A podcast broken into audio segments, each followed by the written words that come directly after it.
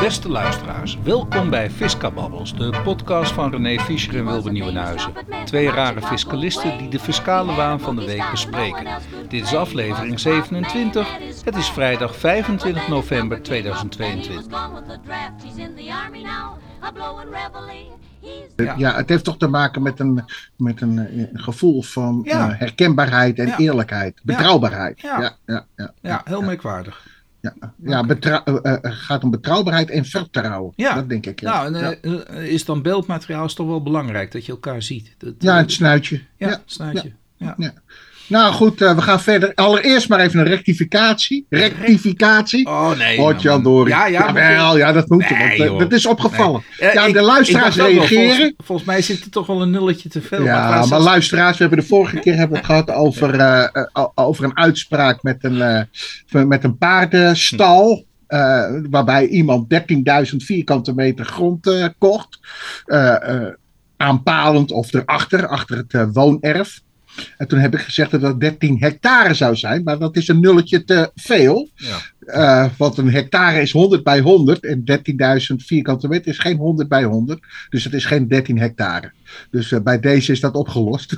maar, Zeg je het nou wel goed, maar laat maar zitten. Dat- ja, ik- ik- Volgens ja, mij zet je er weer een nulletje naast, maar dat ma- maakt niet nee, maar 13 hectare is toch 130.000 vierkante meter dan? Eh, ja, nee, dat klopt, dat klopt. Ja, maar het ging om 13.000 vierkante meter. ja. En dat vergeleek ik met 13 hectare. Maar dat Ja. is helemaal fout. Ja, ik heb ook niet zo goed opgelet hoor. Bij Nou ja, eh, het vak wiskunde. Ik, ik, eh, ik- Eh, daarnaast, ja, toch even over de luisteraars toch in het zonnetje zetten. Hebben wij een onderwerp gekregen. Oh, die ben ik helemaal vergeten. Oh, dan wordt hij vast boos voor. Ja, ga, maar, maar kn- knal jij hem er even in. Nou, in ieder Oh. geval, ik kan het ook wel uit mijn hoofd doen natuurlijk. Ja, graag. Het gaat over eh, het arrest die gewezen is in 2017. Over Hm. box 3. We hebben het al vaak genoeg gehad over box 3. En ik weet dat wij drie afleveringen geleden hebben we het al eens een keer gehad over kasgeld. En dat kasgeld, eh, nou ja, daar heb je vrijstelling voor hè, van 500 euro in de vermogensbelasting. Of 1000 euro, nou daar wil ik vanaf zijn. Maar in ieder geval dat op dit moment kasgeld, contant geld, eigenlijk helemaal niet belast wordt. Hè? Hm. Dus je kan beter alles in contanten hebben, want het wordt nauwelijks belast. Nou, natuurlijk leidt dat tot eh, het volgende: dat nu is uitgezocht dat zwart geld ook niet in de belastingheffing wordt betrokken. Vanwege dat arrest uit 2017. Ja, maar kun je het even toelichten dan? Want ik bedoel, Ja, ka- kasgeld begrijp ik. Kasgeld rendeert helemaal niet. Nee, Dus en zwart geld ook niet, Er hè? komt geen, nee, maar kasgeld er komt geen rente op, hè? Dus, Nee, dus, nee, nee. Nou ja, dan, dan, dan, dan, valt er weinig te belasten. Nu. Ja, ja, ja, ja. Dan valt er weinig te belasten. Ja, maar, Eh, maar, maar nou, nou heb je het opeens over zwart geld. Ja, maar en dan dat, zeg je in- opeens dat dan ook ja, niet. zwart geld dat het, ook, dat het ook moeilijk te belasten is. Hoe bedoel je? Want, Nou, ja, omdat- als het zwart is, omdat... In contant In- geld. in contant dus ik heb het dan is. niet. Ja, ja, maar je hebt natuurlijk ook buitenlandse rekeningen. eh, nou goed, maar laten we het even maar daar komt toch wel rente op? Ja, dan komt rente op, Oh, ja. Maar dat is dan weer dat box, eh, dat, dat toespeling van eh, eh, eh, in dat vermogensrendementsheffing. Ja, ja, ja. Eh, eh, eh, maar dat betekent als je iets hebt aangegeven. Ja. Maar wat heeft Ja. eigenlijk het arrest gezegd? Het arrest zegt, dan moet ik even goed. Die maakte vorig jaar rond kerst met terugwerkende kracht een einde aan eh, de vermogenstax over fictief rendement. Hm. De Belastingdienst Klopt. kan sindsdien niet of nauwelijks belasting navorderen over zwart geld en kan vrijwel geen boetes meer opleggen. Nou goed, daar kom ik zo direct wel op. Hm. Maar de Hoge Raad oordeelde dat de vermogensrendementsheffing in box 3, en daar gaat het om, Ja. eh, in strijd is met het Europees recht. Ja. Er moest direct rechtsherstel plaatsvinden. Ja. De Belastingdienst mag daardoor, met ingang van 2017, geen fictieve rente meer innen over vermogen. Hm.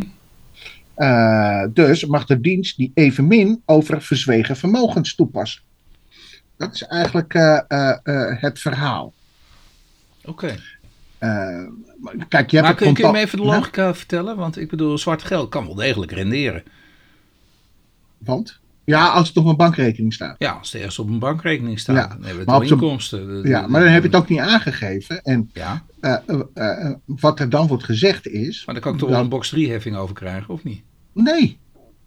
Nee, want er wordt gezegd van ja, dat mag wel zo zijn dat je het op een bankrekening hebt staan, maar er had rechtsgestel moeten worden aangegeven. En vanwege dat rechts, het ontbreken daarvan op dat moment uh, en het niet of nauwelijks heeft gerendeerd, mag je die forfaitaire rendementsheffing nee, okay, niet als toepassen. als je zegt het heeft op een bank gestaan en er heeft bijna niet gerendeerd, dan kun je hem niet toepassen natuurlijk. Maar stel dat ik nou zwart geld heb ik in, in, in, in aandelen uh, neergelegd. uh, bij een buit, buitenlandse uh, bank bijvoorbeeld. Een effectenrekening ja. in een buitenlandse bank. Ja. Ja. Zwart geld. Ja. Ja, ja, ja, nou ja, goed, ik ben dan, dan bang heb toch, dat... toch nog steeds... Dan ja, heb ik wel rendement. Heb ik behoorlijk rendement gehad. Dan behoorde het toch in een box 3 niet in de, in de ook al was het zwart geld. Maakt toch niet uit wat voor herkomst dat heeft?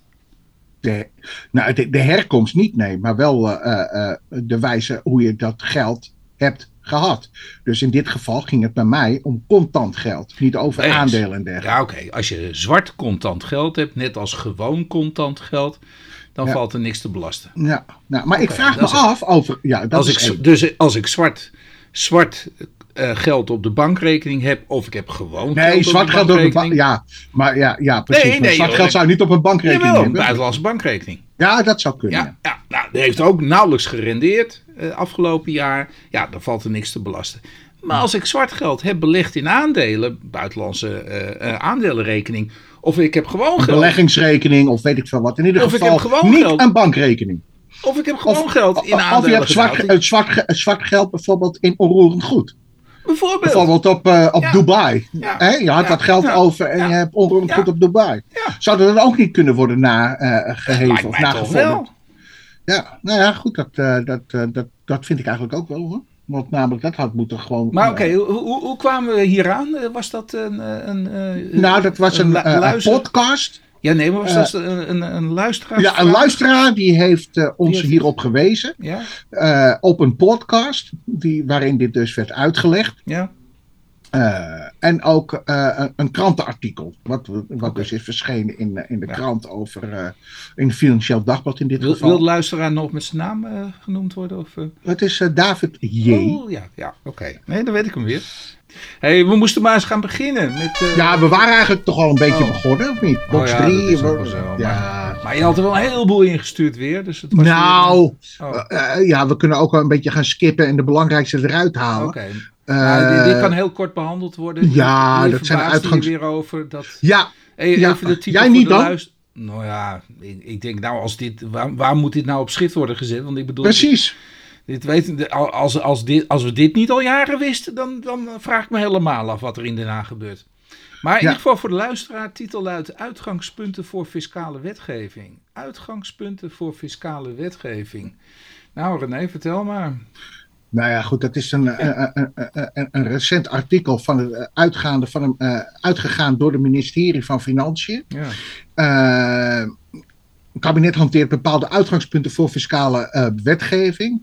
Eh, en daarvoor is natuurlijk weer een beleidsreactie bij het rapport van de Inspectie Belastingen, Toeslagen en Douane over het uitvoeringstoetsen Belastingplan 2023, Ja. die door de staatssecretarissen van Financiën Ah, ja. naar de Tweede Kamer is gestuurd. Ja, dat zijn er dus twee. Ja. Voor de toeslagen en voor eh, eh, de directe belastingen. Ja. Uh, indirecte belasting, maar gewoon de belastingen. Ehm, en Maar ja, zijn. kijk, eh, dan, de- dan denk ik, ik bedoel uitgangspunten. Nou, ik hoop dat we die, die decennia hiervoor ook al hebben gehad. ja, Of, of vergis ik me dat nu? hoop ik me. Dat, ja, dat hoop ik. Ja, Ja. of eh, nou, maar het is weer echt een leuk Ja, maar- een werkgelegenheidsproject geweest. Maar oké. Nou, wa- wat ik dan heel vervelend vind, als we dat dus projecteren Ja. op dat box 3, ik noem maar even wat. Oh. Beleidsmatig meest ingrijpende en voorzienbare wetvoorstellen over de kabinet- kabinetsperiode spreiden. En als zelfstandig wetvoorstel met een regulier wetgevingstraject indienen. ja. Volgens mij heeft de doctrine hier toch wel een paar keer hier, eh, de zorgen geuit over de wijze van indienen van eh, dit soort wetgeving. Ik kan me nog herinneren dat eh, de wetgeving ter zake de directeur groot aandeelhouder en de leningen Ja. ooit eens in een belastingplan 2021 of 2020 eh, eh, eh, erin was gewurmd. Ja, Om dat maar even zo te. nu is het een apart wetvoorstel. ja. Maar kennelijk is dat nu maar beleid geworden. Nou, ik ben benieuwd of dat, uh, of dat ook doorgang gaat vinden. Nou ja, laten we ervan uitgaan wel, want dat is natuurlijk wel een stuk beter. Dat je wel inderdaad dat soort ingrijpende belastingmaatregelen, dat je die inderdaad apart behandelt. En, en niet laten afhangen van allemaal een, een verzamelwet van heel veel verschillende wijzigingen in. Ja. Ja, nou ja, dus dat... Minder beleidsmatige en meer technische en kleine fiscale wijzigingen opnemen in de fiscale verzamelwet. Ja. De fiscale wetgeving wordt opgenomen in een belastingpakket belastingplan. Als een van de volgende omstandigheden speelt. Nou, volgens mij doen we dit al. Eh, eh, daarom, dit is toch niks nieuws onder de zon? Of althans, het had de, had de bedoeling moeten nou, zijn dat het altijd zo was? Eén, één handelt de overheid niet vaak hiernaar. Hè? Nee, maar dat is weer wat anders. Dat is één. Dat is het eerste puntje. Het restant, dus, eh, dus budgettaire samenhang met begroting vervolg. Dat doen we allemaal al. Dat hoop ik dan maar althans. Ja. Want anders, waar zijn we anders? Het heeft ook mee te maken, René, denk ik. Aandacht. Maar, nee, nee, waar het mee oh. te maken heeft, denk ik, René, is. Uh, fiscaliteit scoort nooit in de Tweede Kamer, in de politiek. Dus belastingen, niemand is erin geïnteresseerd in die politiek. Ze willen allemaal uitgeven in die politiek. Ja. Dat vinden ze belangrijk. Zullen we deze over te slaan? We gaan naar deze. Oh ja, die, die had jij uh, ingestuurd. En dat is een, een, een, een, een, een uitspraak van de rechtbank Gelderland. Uh, uh, van 19 oktober 2022, AWB 21 schap 2340. En de titel die luidt Levering percelen in hoedanigheid van ondernemer door inzetmiddelen vergelijkbaar met handelen, handelaren. Uh, waar, waar gaat het om? Het gaat over BTW. Ja, en vandaar dat ik hem aanneem. Uh, wat vond jij van deze uitspraak? Want je had hem even gelezen. En toen... Nou, dus je moet ervoor zorgen in dit geval uh, dat je dus uh, vergelijkbaar zou moeten zijn als je dus landerij gaat verkopen met handelaren, projectontwikkelaars. Ja, nou, ja, kijk, Om als ondernemer te worden gekwalificeerd. Ik, ik, ik, ik was buitengewoon bedroefd dat ik deze las. En waarom, ah. ja, waarom was ik buitengewoon bedroefd waarom ik deze las? Omdat deze ligt heel dicht tegen een zaak die ik op dit moment aan het voeren ben. Uh, maar in mijn zaak, ja, zul je begrijpen, pleit ik juist voor juist een andere uitkomst. Waar gaat het want, nu om? Want je wil, je wil dat degene die levert geen ondernemer is? Ja. ja. Oké. Kijk, waar gaat het in deze zaak om? Het gaat om een meneer X. En die heeft voormalige landerijen in de hoedanigheid van BTW-ondernemer uh, uh, geleverd, zegt de rechtbank. Nou, waar, gaat het om? Meneer X die heeft een eenmanszaak, een, een wel saillant detail, een onderneming, een eenmanszaak met kangaroes en diervoeders. Nou, dus we zien daar inderdaad een meneer. En ik neem aan dat je voor kangeroes en nou ja, diervoeders wat minder. Maar voor een onderneming met kangeroes heb je denk ik waarschijnlijk een stukje aan de landerijen nodig. Dus hij zal best wel wat een aantal perceeltjes grond hebben. Ja, ik zal niet zeggen hoeveel hectare. staat, ik weet dat niet of dat in die uitspraak staat. Er zal ongetwijfeld in die uitspraak staan hoeveel hectare grond dat is. Nou ja, en die heeft dus een aardig lapje grond. En de meneer is een ondernemer. En als een ondernemer ergens geld ziet, dan gaat hij er ook voor. Dus hij, hij denkt ook van, verrek, die landerijen die kunnen best wel veel geld worden als hier woningbouw op kan plaatsvinden. Dus die, die gaat naar de gemeente toe en die probeert voor, voor uh, een, een, een stukje, een aardig stukje grond, uh, probeert hij een bestemmingsplanwijziging te krijgen, een omgevingsvergunningen te krijgen. Dus hij stelt een bouwplan op uh, hij draait op voor allerlei kosten voor procedures, voor onderzoeken, voor planschade en dergelijke. Uh, hij benadert een makelaar om uh, die haalbaarheidsonderzoeken uit te voeren.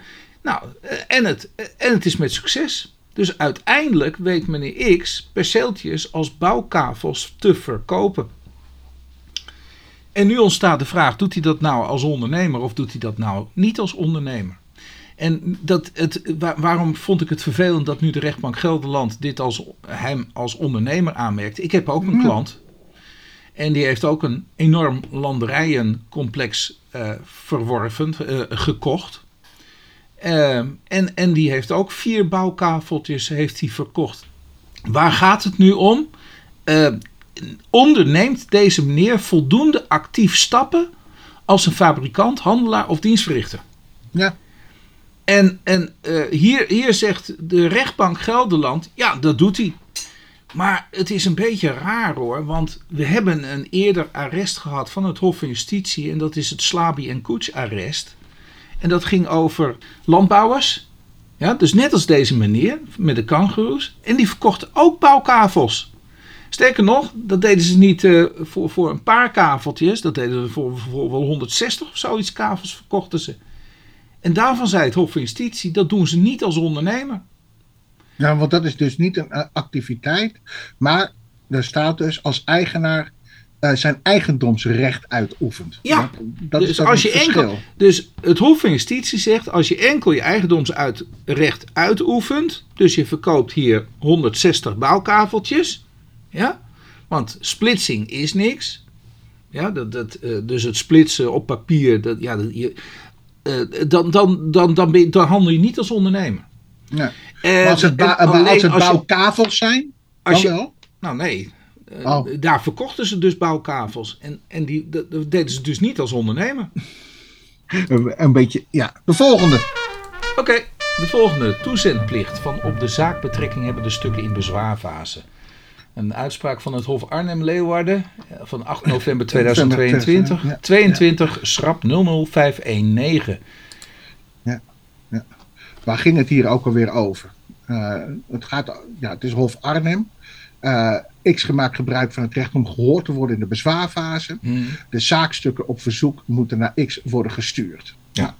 Dus die stelt een, op een gegeven moment stelt de heffingsambtenaar die stelt een worstwaarde vast voor ja. een woning. Na bezwaar verlaagt de heffingsambtenaar de worstwaarde en kent vervolgens dus ook een proceskostenvergoeding toe. Maar verstrekt niet de in bezwaar gevraagde informatie. En dit, ja, dit neigt ook alweer naar zo'n uh, bureau die probeert toch extra inkomsten te genereren ja. door die bezwaarkostenvergoeding. Dus X ja. komt met succes in beroep en krijgt naast een bevestiging van de verzaakte toezendplicht een hogere proceskostenvergoeding. Maar de heffingsambtenaar was het hier niet mee eens. Want misschien.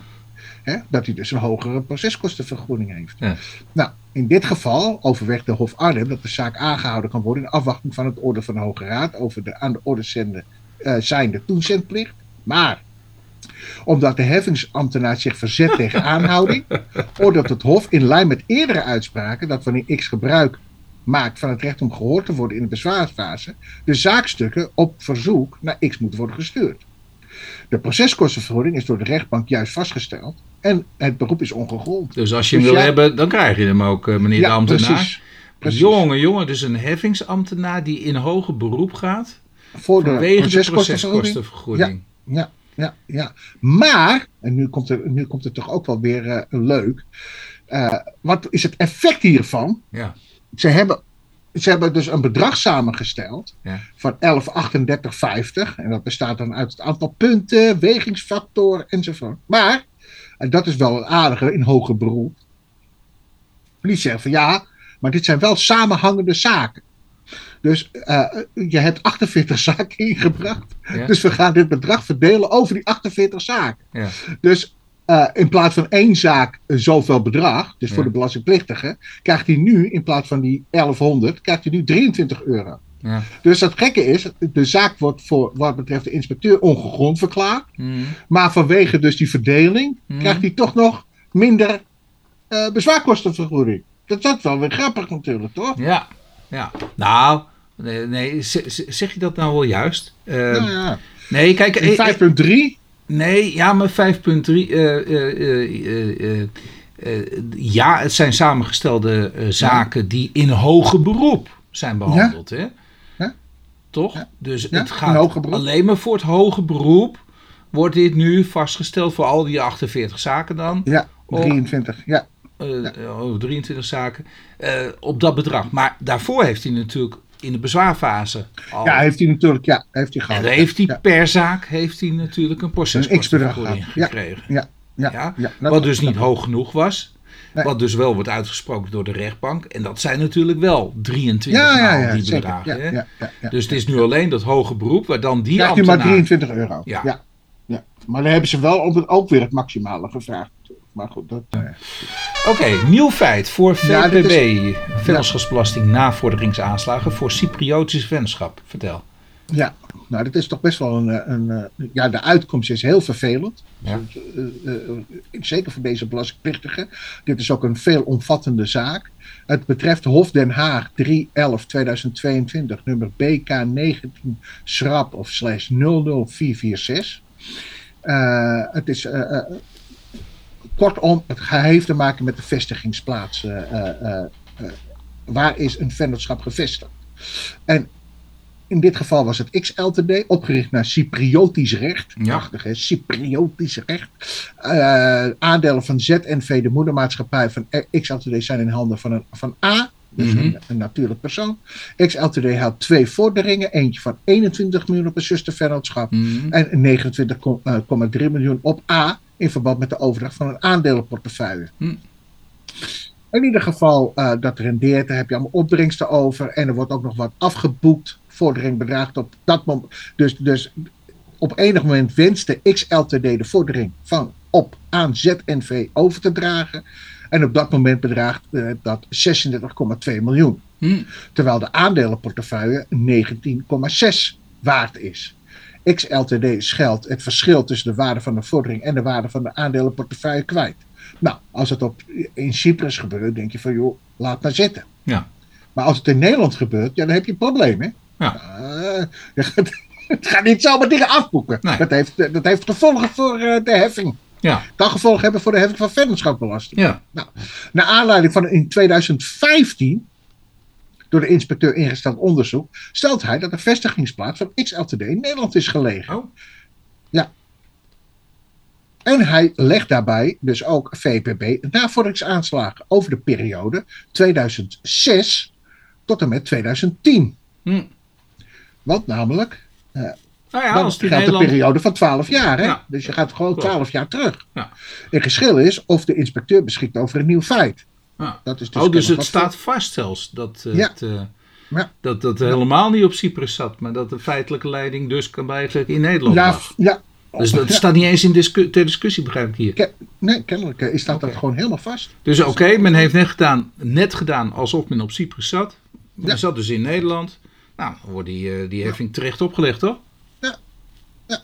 Nee, wat, wat het is hier dus, er is geen sprake van een nieuw feit. Dat, dat, dat gaat het echt om, hè, begrijp ik ja, in deze er is sprake van een nieuw feit. Er is, er is wel sprake van een nieuw feit. omdat namelijk de inspecteur die mocht uitgaan dat het gerenommeerde belastingadvieskantoor...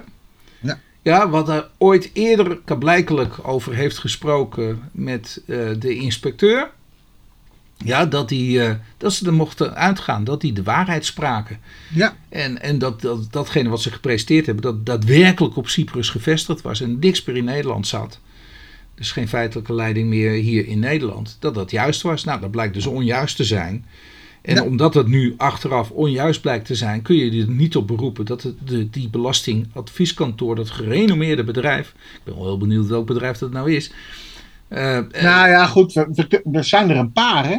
Oh. Die dat, uh, uh, ja, ja, We hebben natuurlijk nou ja, goed, in ieder geval, natuurlijk, hè, met... Uh... Nee, ik adviseer niet op Cypriotische oh. exoten.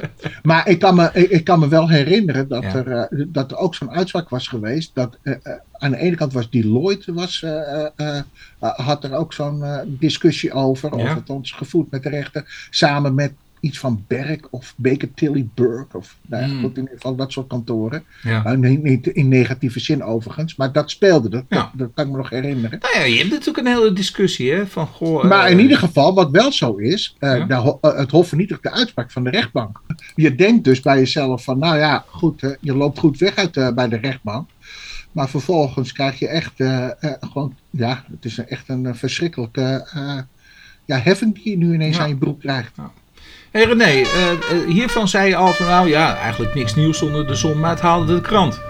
Gehuwden die niet samenwonen terecht aangemerkt als fiscale partners. Ja, dit gaat, uh, dit gaat om een uitspraak in verband met het fiscaal partnerschap. Het is van rechtbank Zeeland West-Brabant, nummer datum 1-11-2022. Uh, Bree 22 slash of schrap 1579. En het, eh, het, betreft dus een, uh, een, een, een, een, een, huwelijk die zich heeft voltrokken in Las Vegas.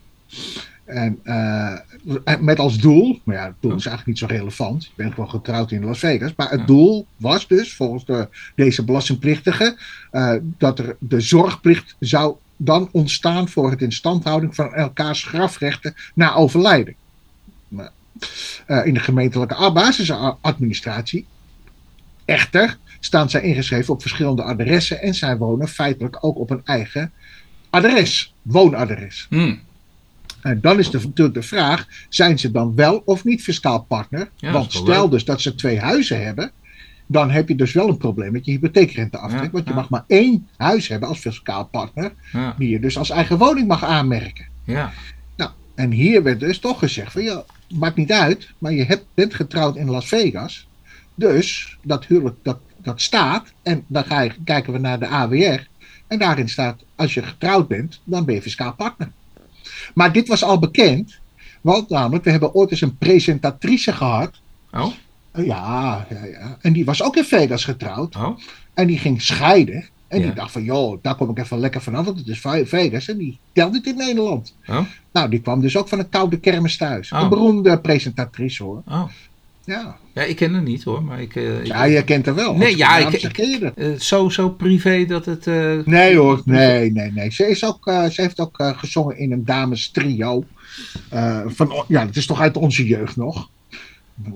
Ook, Ja, ja, die maakte de begintune van eh, een zeer eh, ophefgevend programma. Met Chef van Oekel en zo. Maar goed. Oh, Patty Bart. Ja, hè, Ja, ja, jeetje, ik zit al te zoeken. Oh, die wist ik veel. Was die in eh, Las Vegas getrouwd? Ja, die was Oh, onder andere in Las Vegas getrouwd, ja. Oh, Dus dat was al bekend. Oké, ja, ik zat nog eerst bij Jessica Roos en eh, nog wat te denken, maar het, het ging nog verder in de tijd. Man, ik had zelfs een poster van die meiden aan de muur, weet je dat? Dat oh ja, Ja, ja, dat, ja, ik ben eh, wat ouder dan jij, maar, maar in, in, Nou ja. toen in ik ieder geval jong kan ik was, me nog wel eh, dit herinneren. toen ik nog een En- puber en- was, en luisteraars, ik die dus nu een mijn handjes naar mijn levensgrote poster had ik op mijn deur hangen. Zo groot was die poster. Ja, Maar je kent ze allemaal nog, hè? Ja, ja zeker. Ja, nou, Bij ja, naam. Ik, Nou ja. ja, ik was vooral gek van Patty Bart. Ja, nu kun je het niet, niet... Nou ja, ze ziet er nou ook wel weer aardig. Ze is behoorlijk afgeslankt natuurlijk. Ehm, maar oh, Patty Bart, jeetje joh. Oh, die was in Las Vegas getrouwd. Maar... eh, eh, als je getrouwd bent in Las Vegas, hè? je gewoon getrouwd. Ja, oké. Want ik, ik dacht dat het altijd best moeilijk was om dan bijvoorbeeld... Dat had ik. in- Ik zal je vertellen. Ik haalde dit, deze uitspraak ook aan aan de keukentafel Ja. bij mij thuis. En toen zei ik, ja, maar René is toch al lang al bekend? Ik denk, oh. Dus vandaar, ik doe nu heel alsof ik dat allemaal wist. Met die, eh, maar dat wist ik eigenlijk. Oh, oké. Nee, ik oh, wist het dat- ook niet hoor. Nee, maar, Maar, ik, eh, maar het is al allemaal. Ja, want toen heb ik er ook even nagekeken. Ik denk, oh ja, tuurlijk joh. Ja, dat is. eh, ja, en er wordt gewoon aangegeven van joh, maakt niet uit waar je getrouwd bent, maar dat je getrouwd bent. En het heeft ook allemaal verdere gevolgen op het moment dus dat jij getrouwd bent. En je zou niet. Dat me- je zou in Nederland ook naar de Nederlandse wet zijn getrouwd. Dan pleeg je bigamie, oh ja. Wilbert. Ja, ook dat nog. Ja, ja en dan heb je echt een probleem. maar even, Ben je even- strafbaar en weet ik veel maar allemaal. dat, ik wilde dat allemaal niet zeggen. Ik, Oh. ik, ik, ik wilde ook zeggen van, ik dacht dat het al altijd heel moeilijk was om dan zo'n huwelijk erkend te kunnen krijgen in Nederland. Ja, dus niet voor de Belastingdienst. Nee. Oké, nou. eh, ik, eh, Nou, moet- deze eh, uit, uit, uit- uitkijken dus, hè, als je op vakantie bent en voor de lol even natuurlijk naar eh, volgende. Nou ja, goed, nou ja, goed je hebt weer een eh, leuk plaatje voor. eh voor eh, eh, Trouwen in Las Vegas. Dus dat, ja, dat trouw in Las plaatje. Vegas. En, eh, of deze, hè? Van. Daar zit de- nee, van. Oh ja, Waldolala. la la. Ja, Ja, leuk. Eh, hoe heet ze ook weer? Luf heeft ze. heeft Ja. Luf, ja. Luf. Ja, zeker. Met Oh, een V, hè? Ja, met een. Ja. Ja. Eh, gedeeltelijke kwijtschelding. Gedeeltelijke kwijtschelding. Ja, dit is dus weer het, het gevolg. Want namelijk, ik zei al. Mag van, ik eerst even dit- de titel? Oh, ik begin al meteen te lullen. Dit, eh, Ja, ik, ik hou ervan. Maar de luisteraar die weet nog helemaal niet waar het over gaat. Ja, ja, ja. gedeeltelijk kwijtschelding van een aan solvabele aandeelhouder verstrekte lening leidt tot uitdeling. Dus ze hebben een lening hebben ze kwijtgescholden. En die kwijtschelding betrof een solvabele aandeelhouder die het toch wel even goed had kunnen betalen. Ja, Precies dat leidt dat. dan tot een uitdeling. Ja, Ja, nou, dat, ja, nou, zouden we even de uitspraak doen? Eigenlijk de, de titel alleen al vind ik logisch voorkomen. Ja. Ja, maar dit is dus van Hof Den Haag 3 november 2022, nummer BK 19 slash of schrap 00453. En waarover ik, ik had al zojuist verteld over die Cypriot. Ja. Nou ja, dat heeft verstrekkende gevolgen dat hij in Nederland is gevestigd. Ja. Want we hebben het net gehad over die kwijtschelding. Ja. Hè? Eh, We hebben het over de VPB gehad. Ja. Nou, dus nu krijgen we ook nog eens een keer de inkomstenbelasting. We hebben al geconstateerd dat A in Nederland woonde. Dit is diezelfde man dus. Het is hetzelfde wel. Hier heet hij X en daar heet hij A. Oh. Maar goed, hij heeft dat kwijtgescholden. Ja. Maar als dat ergens anders gebeurt, joh, het zal. Hè? Ja. Want, namelijk, dan, dan, dan, dan vindt die heffing niet plaats. Ja. Maar nu eh, vindt het dus, eh, ja, vanuit Nederlands recht vindt het dus een vermogensverschuiving plaats. Eh, en eh, hij, de vennootschap is in Nederland gevestigd, dus op het moment dus dat eruit wordt gedeeld, is er meteen ook sprake van eh, dividenduitkering uiteraard. Ja. Vermomd dividend. Dus hij krijgt de volle lading, over die 6,6 miljoen, krijgt hij nu in zijn mik geschoven. Ja. Want namelijk, hij had kunnen terugbetalen. En omdat hij had kunnen terugbetalen, is die kwijtschelding heeft onterecht plaatsgevonden. Dus er vindt een benadeling plaats van de vennootschap, Hm. of een bevoordeling van de aandeelhouder. En daarover dien je dus ook nog eens inkomstenbelasting over betalen. Hm. Weliswaar naar box 2, maar Nou, toch desalniettemin. Ja. Dus hij wordt twee keer eh, nu gepakt in de, Ja. in de heffing.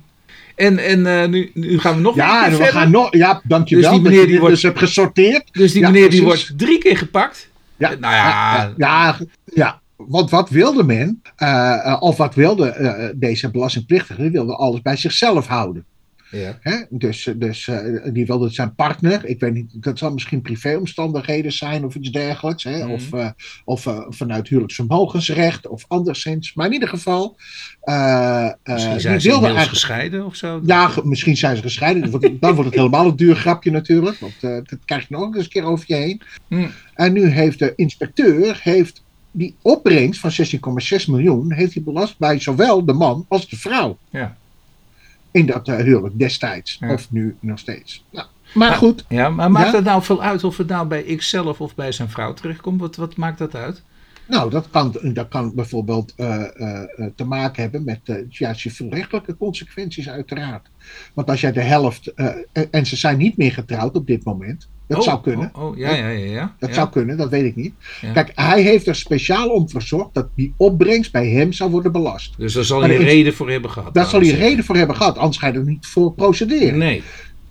Nee, Dus nee. daar zit iets misschien dat hij misschien onvermogend is om dit nu nog te kunnen betalen. Ja, in? of, of de- dat er een andere truc eh, bij zit. Dat, dat, ja, ik kom er niet uit, maar het zou bijvoorbeeld ook kunnen zijn dat ze niet meer gehuwd zijn. Ja. Ten tijde van zou, of, waren of, ze of, gehuwd. Of, of huwelijkse voorwaarden wellicht. huwelijkse voorwaarden. Ja, dat en dat hij dus onvermogend Ja. is en dan zegt Ja. hij ja, ha, ha, ha, ha. Eh, Bijvoorbeeld. Bij Ja. mevrouw kun je, ja. Ja, maar in ieder geval, de wetgever die zegt gewoon, ja, weet je, ze zijn gehuwd. Ja. Dus eh, we gaan het bij beide voor de helft belasten. Oké, nu heb jij een hele lastige inge, in- eh, ingediend bij mij. eh, uitspraak van het Hof van Justitie. Ja, ik zag hem staan, de vouchers. Ja, Over- ik begrijp- over- ik- overdracht van foutjes aan personeel vormt geen belastbare handeling. Het is een uitspraak van het Hof van Justitie van 17 november 2022, nummertje C-607, schrap 20. Ja, nou, en het is een uitspraak in, eh, eh, in een, eigenlijk in een Engelse zaak en het gaat eigenlijk over GE Aircraft Engine Services Limited. En wat hebben zal- die... Wat zeg je? Dat zal wel iets van een vliegtuigmaatschappij zijn of zo, denk ik. Eh, Dat denk ik, ja. Die heeft in ieder geval personeel. En om nu het personeel te belonen, maar wel op een hele bijzondere manier. Het is niet gewoon hup, salarissen uitkeren en klaar ben je. Eh, nee, collega's kunnen elkaar nomineren voor een beloning. Dus collega's die kunnen elkaar voordragen van nou deze die heeft zo goed zijn werk gedaan. Dit personeelslid die heeft toch wel een extraatje nodig. En Ja, dat als, is wel echt een typisch Amerikaans systeem, hè? Of niet? ja, ja, nee, dat, Ja. Tuurlijk, dit is ook eigenlijk een Amerikaans bedrijf. En dat heeft dan blijkbaar een vestiging eh, limited in, in Engeland, toen het nog onderdeel uitmaakte van de Europese Unie. En die belonen dus dat, dat Engelse personeel en, eh, op die manier met vouchers. Dus er worden de vouchers aan die Engelse personeelsleden gegeven. En dat zijn Amerikaanse vouchers. En die, die, nou, die vouchers die geven dus recht om te kunnen besteden bij bedrijven. En dat zal in Amerika zijn. Hè, want dat Amerikaans bedrijf, daar gaat het ook over, want dat, dat zeggen ze dus ook al. Nou, die kosten die, van, van die foutjes, die worden in rekening gebracht vanuit Amerika aan dat Engelse bedrijf. Ja, daar, daar zit kan blijken dat de pijnpunten ook niet helemaal in. Er wordt, wordt hier wel iets geroepen over verleggingsregelen, voorbelasting, et cetera, et cetera. Maar waar het nu op neerkomt is, als je zo'n foutje verstrekt aan je personeelslid, ja, moet ik daar dan btw over afdragen? Daar, komt, daar komt het in feite op neer. En uh, dan hebben we een heel ingewikkelde voucherregeling hebben we geïntroduceerd. Uh, dat is een keer in de richtlijn is dat opgenomen. Um, en en, en, en, en nu, nu rijst de vraag van hoe zit het nou eigenlijk met die vouchers? Uh, mag ik dat nou beschouwen als een fictieve dienst? Is hier een fictieve dienst, een fictieve levering, heeft die hier plaatsgevonden aan de desbetreffende personeelsleden, waarover dus BTW wordt berekend? En wat zegt nu het Hof van Justitie? Die zegt, nou nee, ik kom er überhaupt niet aan toe, aan die fictieve prestatie. Want ik moet eerst eens even gaan kijken van, is wel een gewone prestatie? En ik zie hier dat niks hier onder bezwarende titel heeft plaatsgevonden. En, en als dus niet iets onder bezwarende titel heeft plaatsgevonden, omdat die verstrekking van, van de foutjes enkel uh, uh, bedoeld is om de prestaties van de werknemers te verbeteren, om dat te stimuleren, zodat het een, een leuk renderend bedrijf is. En dat wordt allemaal nog eens een keer. Maar, maar zonder dat daar een bezwarende titel aan de grondslag ligt. Ja, dan heb ik niet iets wat voor andere dan bedrijfsdoeleinden wordt verstrekt. Dus, en dat is wel leuk, René. Dat vind ik best wel leuk om te vertellen. Uh, in Nederland zijn we vrij conservatief. En, en waarom wil ik dat nou zeggen? Nou, op het moment dat in Nederland jij, uh, nou misschien heb je dat van vroeger ook een keer moeten doen, ik wel. Kijk, voetbal, het, het interesseert me geen ruk, echt niet. Ik bedoel, het Nederlands elftal heeft nu gespeeld. Ik heb die wedstrijd niet gezien. Ik heb het in de auto gehoor, uh, gehoord nog een beetje daarvan. Eigenlijk, ik vind het helemaal niet zo interessant. Ik zie het later wel. Dus ik heb nog, nog helemaal geen Nederlandse, geen wedstrijd gezien van, van het WK ook. Ja, ik, jij wel? Jawel. Oh, jij, oh, jij kijkt wel. Nou, Oké, maar, maar ik, ik en Ajax al helemaal niet. Ik ben nooit een Ajax-fan geweest. Ik, ik, van vroeger heb ik nog wel een keer op de tribune gezeten, omdat mijn vader vond het leuk. Bij AZ zat ik naast uh, Truus van Hanegem. Dat, uh, oh, ja, leeft ze nog eigenlijk? Geen idee joh, die, die zal ook alweer... Uh, maar die was ook een celebrity? Truus van Hanegem, ja zeker. Ja, ja, en Willem van Hanegem natuurlijk ook. Ja, ja. maar die, die zijn ook alweer 30 jaar gescheiden joh. Dus, ja, ja. Uh, dus, maar, maar ik zat toen, zat ik naast Truus van Hanegem op de tribune. En niet omdat ik zo'n voetballiefhebber was, maar omdat mijn vader mee. En ik vond het wel leuk, die hele sfeer en zo. En, en uh, nou ja, uh, ik dwaal af. Maar voetbal, je, je doet me er echt geen genoeg mee. En ik moest met cliënten af en toe vanuit het bedrijf, die moest ik dan gaan verteren om mee te nemen naar het voetbalstadion. Van, uh, uh, was toen de Arena, die, die, die was toen al gebouwd. En dan heb ik dus met cliënten op de tribune gezeten. Nou ja, is dit nu een personeelsverstrekking, René? Dat vraag je aan mij. Ja. ja. Wat vind nou. jij? Ik, uh, ik, nou, ik zou het echt niet weten, jongen. Echt. Nou, ik, ik vind van niet, nee. En, en dat is wel het leuke nu, dat het Hof van Justitie, hè, die, die, gaat, die, die legt die lat veel hoger dan wij in Nederland doen. Want in Nederland wordt gezegd, ja, als ze genieten van die voetbalwedstrijd. Ja, dat komt omdat die rechten zelf niet mogen na een wedstrijd gratis. En dat, dat is allemaal kinderzinnen natuurlijk. Maar die snappen niet dat personeelsleden vinden het misschien helemaal niet leuk om daar naartoe te gaan. Dus hoe kun je nou zeggen dat als je met, een, met iemand anders dan, nou, in zo'n skybox moet gaan zitten. Dan moet je gezellig doen, je moet vriendelijk glimlachen. Terwijl je eigenlijk liever bij je vrouw thuis op de bank zit. Ja, maar toch? over dat verteren kan, kan je natuurlijk ook. Nou, jij hebt het over voetbalwedstrijden. maar het kan ook veel ondeugender zijn, natuurlijk. Maar dan is het ook geen personeelsverstrekking, dus. Uh, uh, ja, laat je fantasie maar een vrije loop, ja. Als je het toch over verteren Dat is van een, van een paar keer uh, terug. Maar dat, dat, ik weet niet of we dat nog vaak tegenwoordig doen in Nederland. Nou, ik weet nog wel, toen ik begon, oh? als, als oh. junior, junior, junior. Ja? Toen, ja, werd dat zeker wel gedaan hoor. Oh, serieus? Ja, ja joh. Ik, ik, heb, ik, ik, ik werkte toen bij ja, toch wel een grote maatschap in de tijd van uh, toen het boek uh, was De Octopus. En uh, op dat bewuste kantoor was wel wat aan de hand voor wat betreft ja, linken de met... octopus? Ik, de, bedoel je niet de firm? ja, nee, de octopus, de, de, de dominee. Oh. Dus op dat kantoor ha, oh. was dus wel wat, nou ja, wat cliëntelen die nou ja, wat dubieus waren. Waaronder dus een, een, nou ja, een, een ja, erotisch entertainment buur, ja, ja, ja, ik zou het ook wel zeggen, het bestaat al niet eens meer, Jap Jum. Oh, ja, oh, dat is ook, uh, nou ja, uh, achteraf is het niet zo leuk hoor. Want de hell broke loose toen, uh, toen, oh. toen de desbetreffende adviseur werd opgepakt en oh. in het gevangen werd gezet. Gearresteerd zelfs nog. Ja, oh, okay. Dus dat was wel heftig eigenlijk allemaal. Maar goed, ja. over verteren gesproken, er werden ook klanten daar naartoe genomen. Ja, ja, ja. ja, ja, ja, ja, ja. Ja, nou ja, oké. Okay. Uh, maar ja, goed, dan kan je ook zeggen, ja, als personeelslid, dat vind ik helemaal niet leuk. Toch? Uh, dat doe je personeel maar geen plezier. Ja, ik moest. Althans, thuis kun je dat heel mooi zeggen natuurlijk. Dat, ja, ja, ja, ja.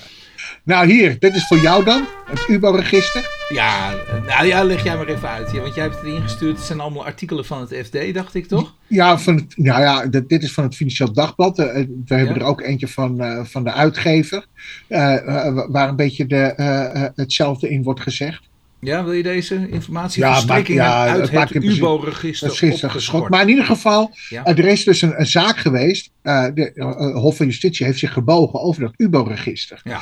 En uh, wat er speelde was dat het eigenlijk volledig openbaar zou zijn. Iedereen die zou die gegevens uit het UBO-register kunnen trekken. Nou, da daarvan heeft dus wel de, de, het Europees Hof van gezegd, nee, dat gaan we niet doen. We gaan niet alles openbaar maken. Uh, daar wordt een slot op gezet. Ja. Dus eigenlijk de doelstelling van die hele UBO ja. komt nu een beetje te vervallen. Want namelijk, dat was nooit de bedoeling geweest.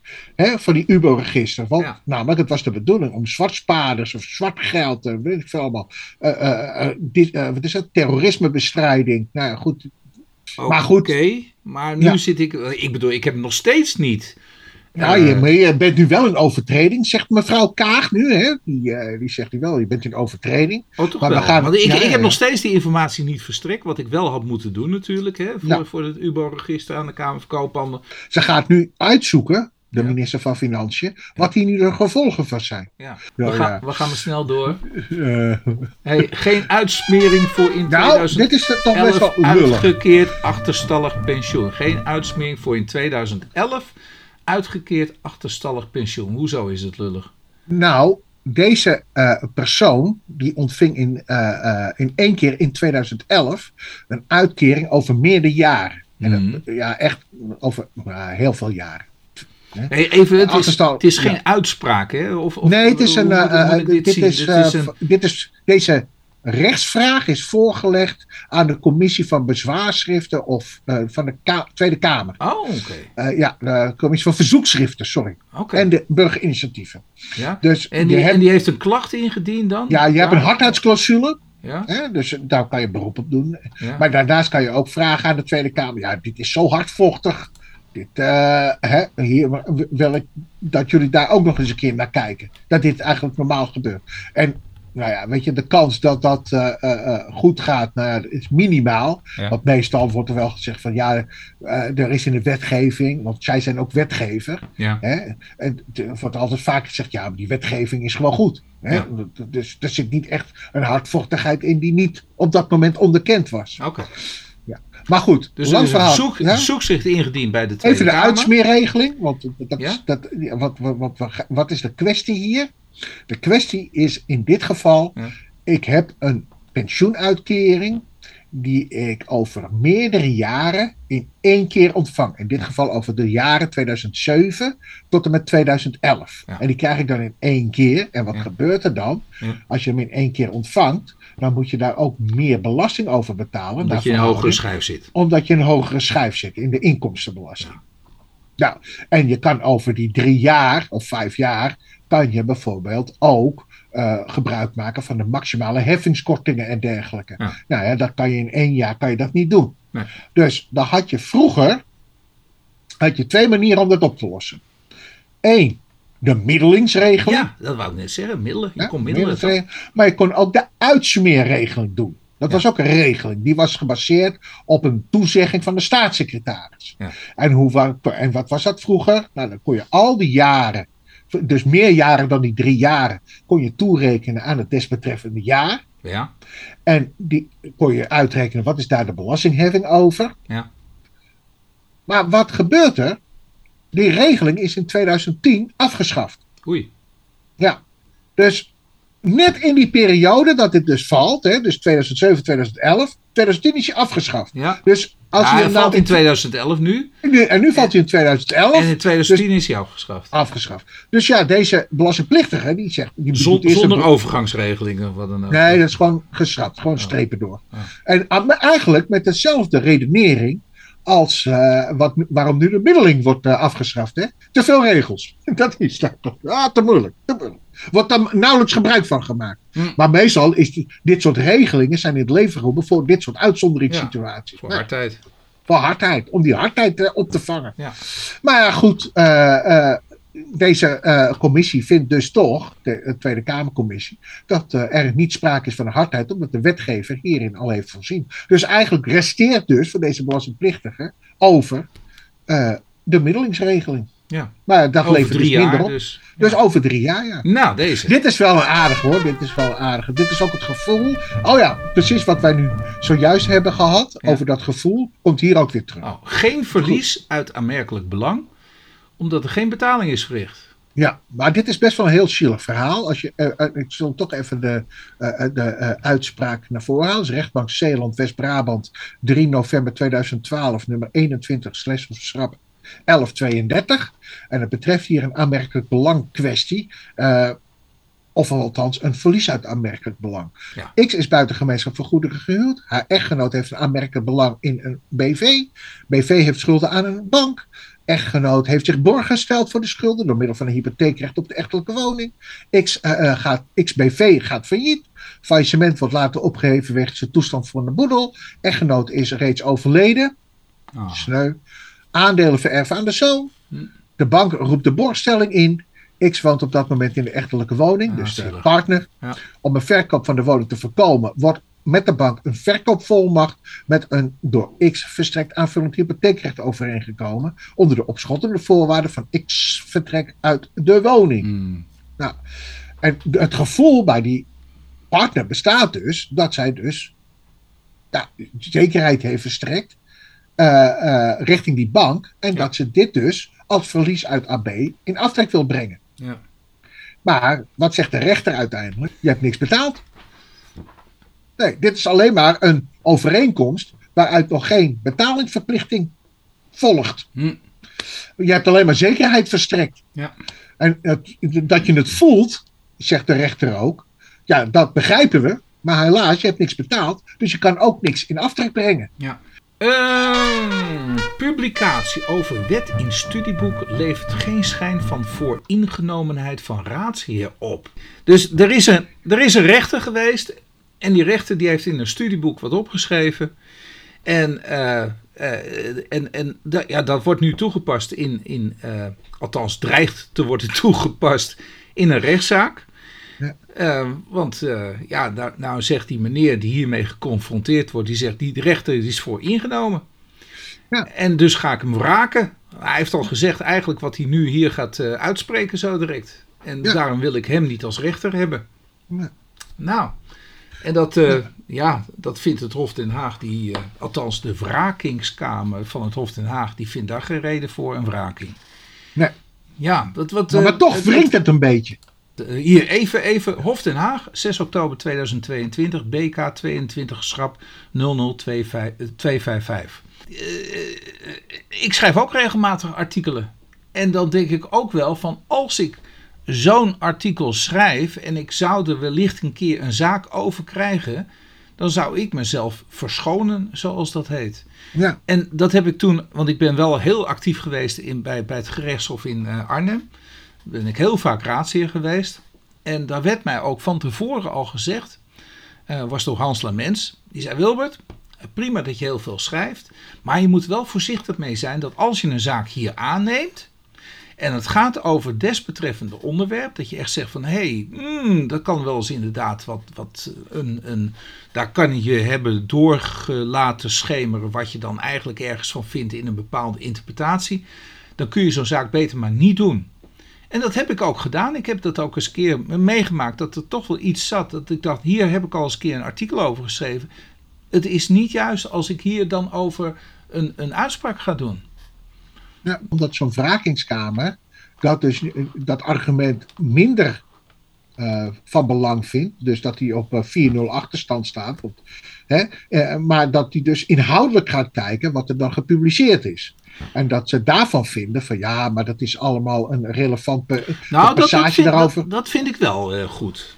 Dus kijk, want dan, dat zou betekenen dat raadsheren dus, die, die, die zouden nooit, nooit over juist datgene waar ze over moeten oordelen, mogen schrijven.